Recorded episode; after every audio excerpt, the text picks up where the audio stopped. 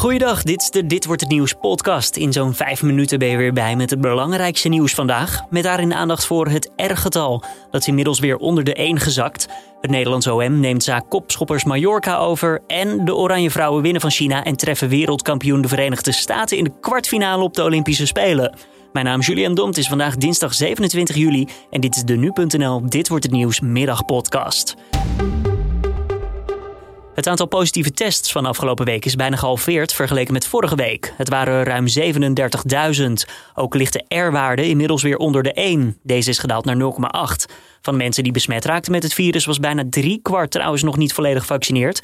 Dan even de ziekenhuiscijfers. Daar is het aantal opnames wel gestegen namelijk. Daar liggen nu 577 mensen met corona.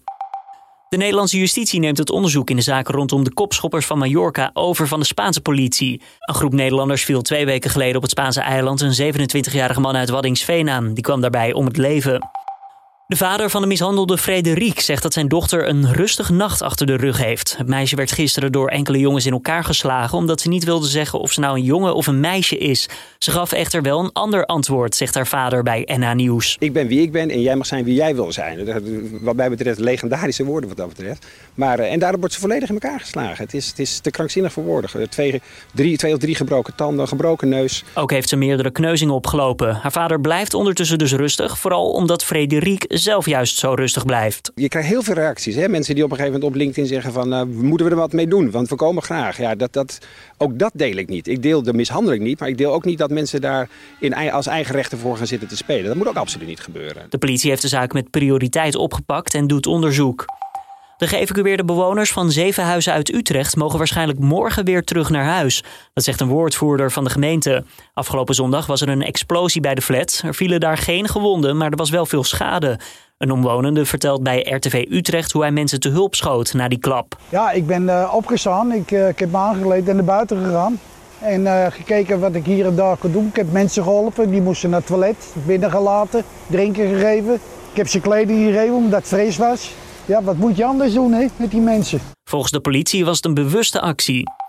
De Oranje Vrouwen hebben niets heel gelaten van China op te spelen. Ze wonnen met 8-2 en mogen nu verder naar de kwartfinale. Daar treffen ze de huidige wereldkampioen, dat is de Verenigde Staten. Een lastige tegenstander, maar niet onmogelijk, vertelt sportverslaggever Riepke Bakker vanuit Tokio. Als er één moment is om een keer te winnen van de Amerikaanse voetbalvrouwen, dan is het nu. Ze hebben al met 3-0 verloren van Zweden, 0-0 tegen Australië. Oftewel, de wereldkampioen lijkt kwetsbaarder dan ooit. Het moet nu gebeuren Oranje. Vrijdag spelen de twee tegen elkaar. Die wedstrijd start dan om 1 uur s middags Nederlandse tijd. Dan nog even het weer van Weerplaza. Het is vaak bewolkt, maar af en toe kan de zon even doorbreken. Op steeds meer plekken kunnen wel pittige buien ontstaan. Mogelijk met veel onweer en regen in korte tijd. Het is zo'n 20 tot 24 graden. Dan even een blik op morgen. Wederom regen, maar minder pittige buien.